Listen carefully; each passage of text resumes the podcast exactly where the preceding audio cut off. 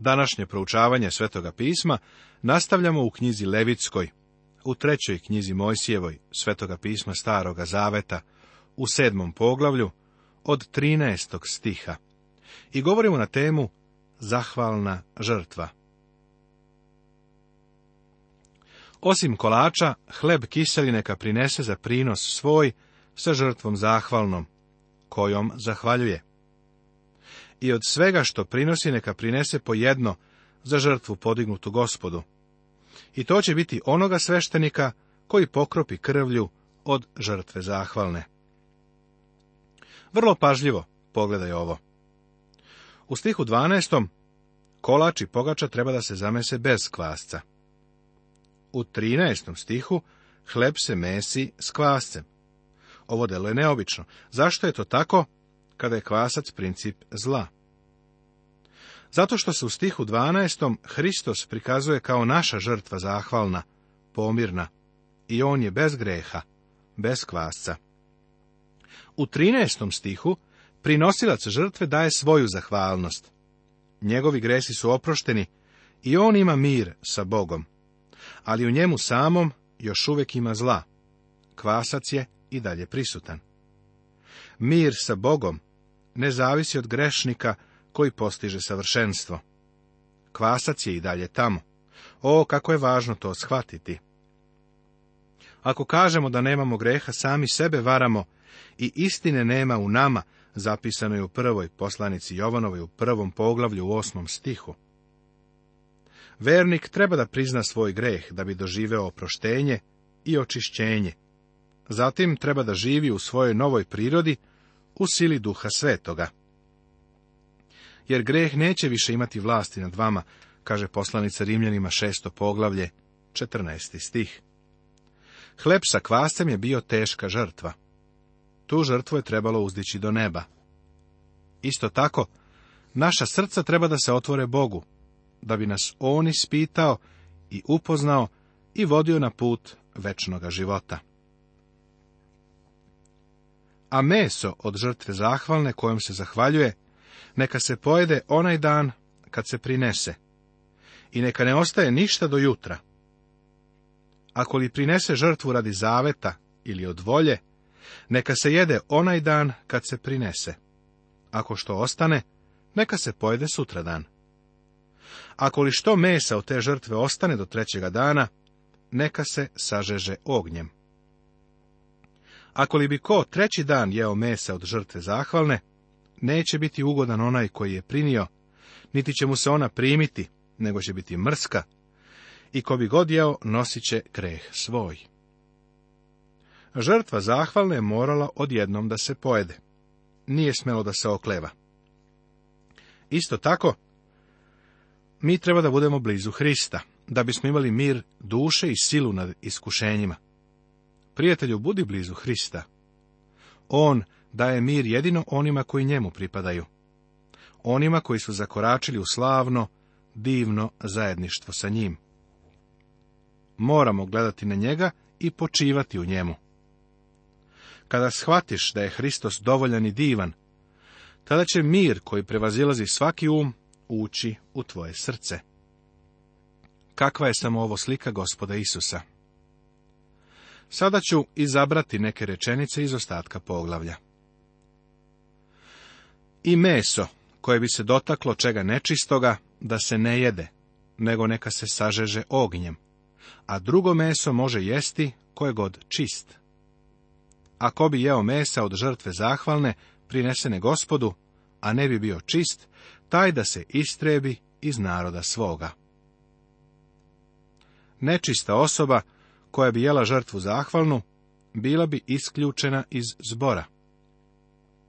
I danas grešnik mora da prizna greh da bi ušao u zajedništvo sa Bogom. I reče gospod Mojsiju govoreći, kaži sinovima Izraeljevim i reci, ne jedite sala od vola, ni od ovce, ni od koze. Ni krvi ne jedite u stanovima svojim, ni od ptice, niti od kojega živinčeta. Svaki koji bi jao kakovu krv, neka se istrebi iz naroda svojega. Već smo razgovarali o zabrani da se jede hleb. Ovo treba da nas podsjeća da se čovek izbavlja krvlju i da je to osnova za našu prihvaćenost kod Boga. Bilo im je zabranjeno i da jedu salo, jer je ono pripadalo gospodu. Opet reče gospod Mojsiju govoreći. Kaži sinovima Izraeljevim i reci. Ko prinosi žrtvu svoju zahvalnu gospodu, neka donese gospodu prinos svoj od žrtve zahvalne.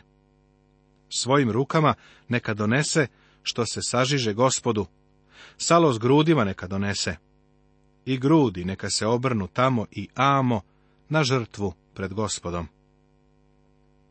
A sveštenik neka zapali salo na oltaru, grudi pak neka budu Aronu i sinovima njegovim i desno pleće od svojih žrtava zahvalnih podajte svešteniku, da bude žrtva podignuta. A koji između sinova Aronovih prinese krv i salo od žrtve zahvalne, njemu neka bude desno pleće. Jer grudi što se obrću i pleće što se podiže uzeh od sinova Izraeljevih, od svih njihovih žrtava zahvalnih. I dadoh Aronu svešteniku, i sinovima njegovim zakonom večnim, da se uzimaju od sinova Izraeljevih. Aron, njegovi sinovi i sveštenici, dobijali su svoj deo zahvalne, pomirne žrtve, grudi i plećke. Grudi govore o Hristovoj ljubavi prema nama. Ali Bog pokazuje svoju ljubav prema nama, time što je Hristos umro za nas kad smo još bili grešnici, kaže poslanica Rimljanima u petom poglavlju u osmom stihu. Tako ne živim više ja, nego Hristos živi u meni. A što sad živim u telu, živim verom u Sina Božijeg, koji me je zavoleo i sebe predao za mene, kaže poslanica Galatima, drugo poglavlje 20. stih. Pokaza do kraja ljubav prema svojima koje je ljubio na ovom svetu, kaže Evanđelje po Jovanu 13. poglavlje 1. stih. Plečke govore o Hristovoj sili i snazi. On može u potpunosti da spase.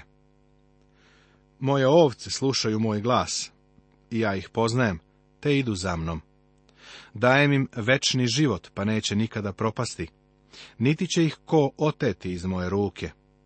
Moj otac koji mi dade, veći je od svih i niko ne može da otima iz ruke moga oca. Ja i otac jedno smo.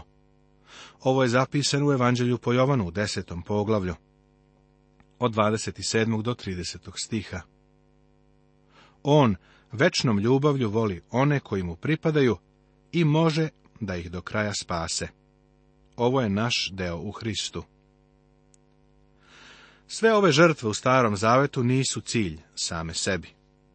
Starozavetni pobožni ljudi su bili spasavani verom, baš kao što se i mi verom spasavamo. Prinesite žrtvu za pravdu i uzdajte se u gospoda, kaže psalam, četvrti u petom stihu.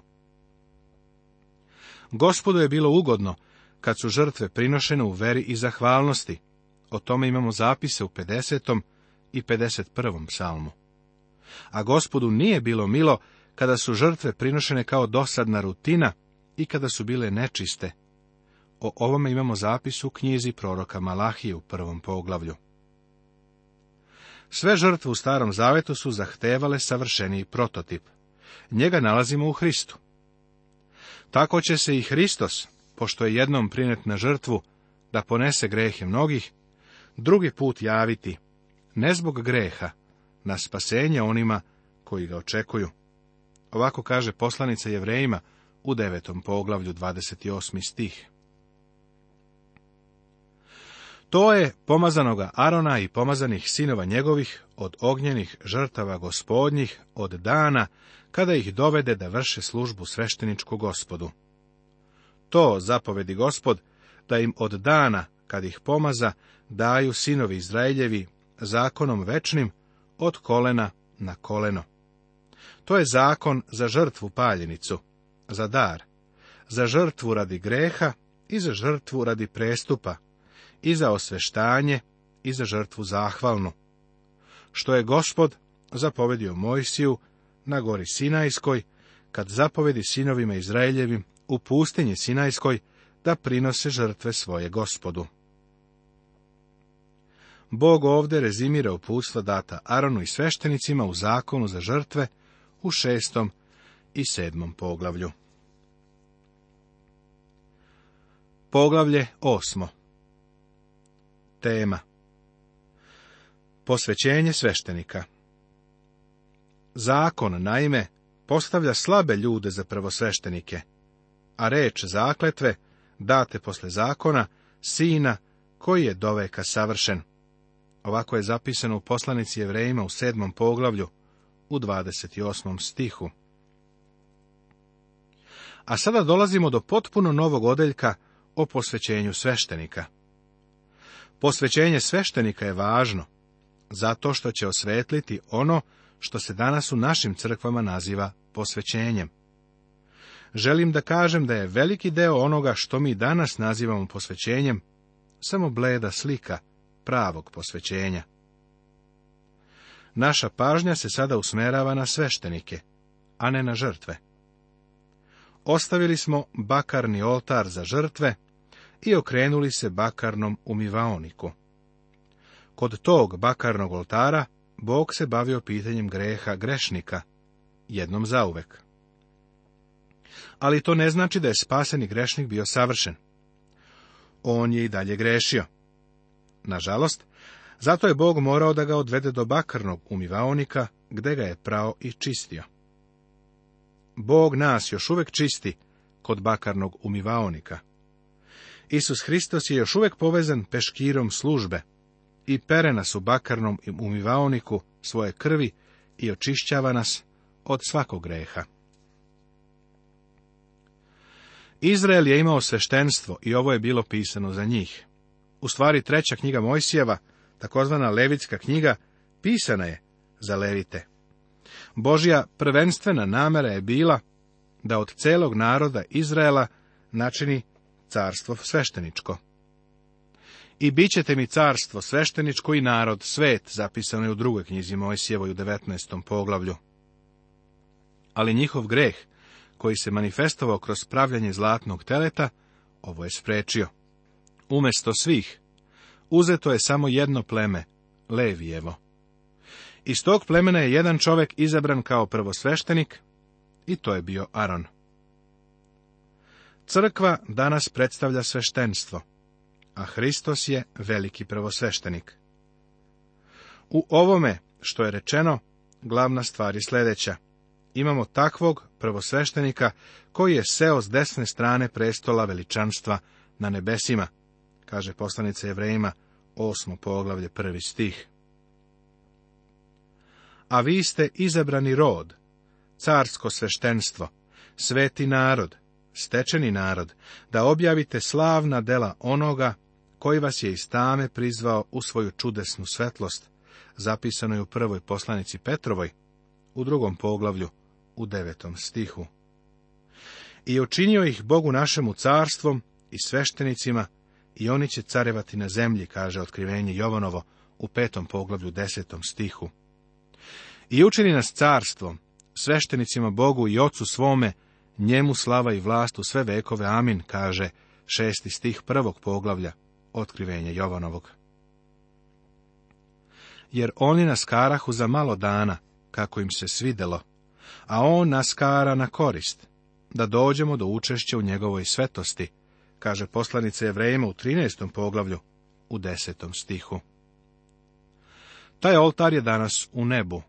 To je tron blagodati.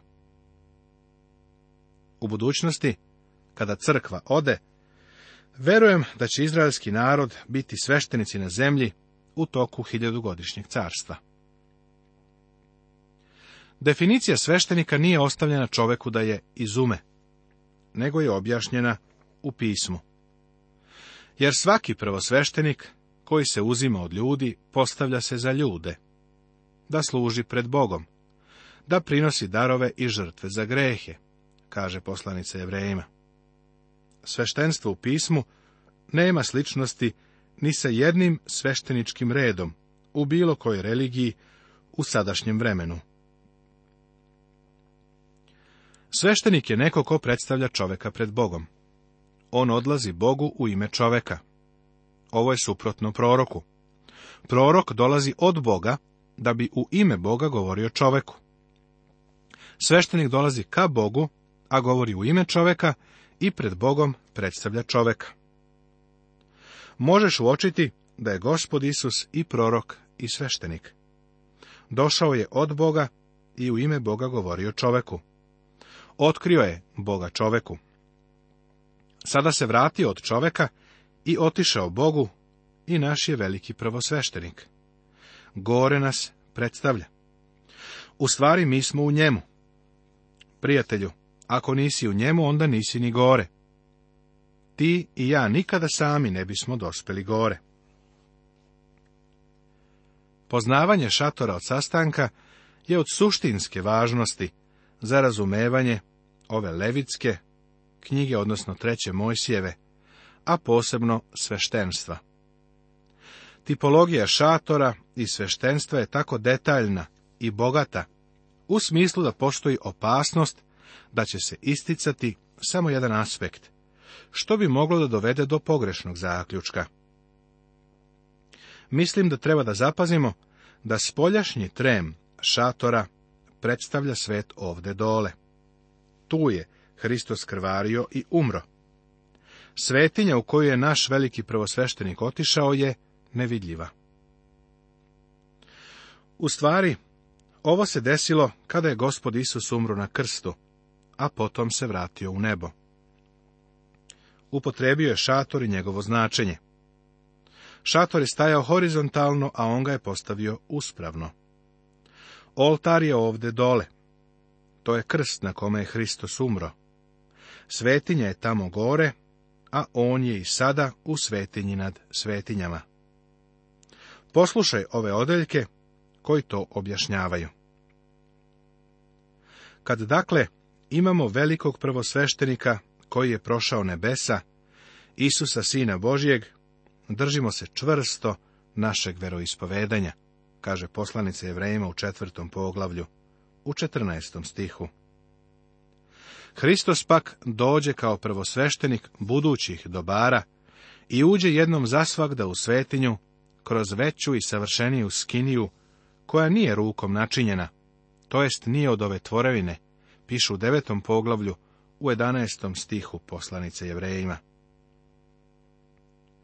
U ovome što je rečeno, glavna stvar je, imamo takvoga prvosveštenika koji je seo s desne strane prestola veličanstva na nebesima, kao služitelj svetinje i prave skinije, koju je podigao gospod, a ne čovek, kaže poslanica Evrejima u osmom poglavlju, prvi i drugi stih. Moraju se dakle slike nebeskih stvari ovim čistiti, a same nebeske stvari boljim žrtvama od ovih. Jer Hristos ne uđe u rukotvorenu svetinju, sliku one prave svetinje nego u samo nebo, da se sad pokaže pred licem Božim za nas, kaže deveto poglavlje poslanice Jevrejima. On je danas tamo. Voleo bih kada bi to našu veru učinilo stvarnom. Idemo u crkve, obavljamo obrede, pa često zaboravljamo na stvarnost naše vere. On je prijatelju sada tamo gore. Bogu treba da priđeš kroz njega kazano nam je da hrabro pristupamo. On sada ulazi za nas u prisustvo Božje. Prijatelju, ovde dole nisi sam. Kroz Hrista u Bogu imaš mogućnost. Šator je sada vertikalan, a svetinje na svetinjama je tamo gore. U ovom poglavlju se 12 puta kaže da je gospod zapovedio Mojsiju. Vrlo nam je značajan posljednji stih i Aron i sinovi njegovi učiniše sve što beše gospod zapovedio preko Mojsija, kaže se u trećoj knjizi Mojsijevoj u osmom poglavlju u 36. stihu. Sve ove stvari je zapovedio gospod. Posvećenje mora da se sprovodi na način koji je on zapovedio. Neki ljudi veruju u to da je treća knjiga Mojsijeva kasnije nastala i da je umotvorina sveštenika. Ipak, ovdje piše da je sve učinjeno onako kako je Bog zapovedio. Veruješ li u nadahnutu reč? Onda ne možeš da prihvatiš da je Levitska knjiga naknadno nastala. Veruj u nepogrešivost pisma i veruj da je sve ovo učinjeno po Božjoj zapovesti. Pregled Sveštenici poglavlja od 8. do 10. Svi vernici u crkvi su sveštenici. Posvećenje sveštenika Poziv da zbor bude svedokovog ovog obreda. Očišćenje Arona i njegovih sveštenika. Odevanje prvosveštenika. Posvećenje prvosveštenika. Odevanje sveštenika. Očišćenje sveštenika i Arona krvlju žrtve. I zapovesti upućene Aronu i njegovim sinovima nastavit će se.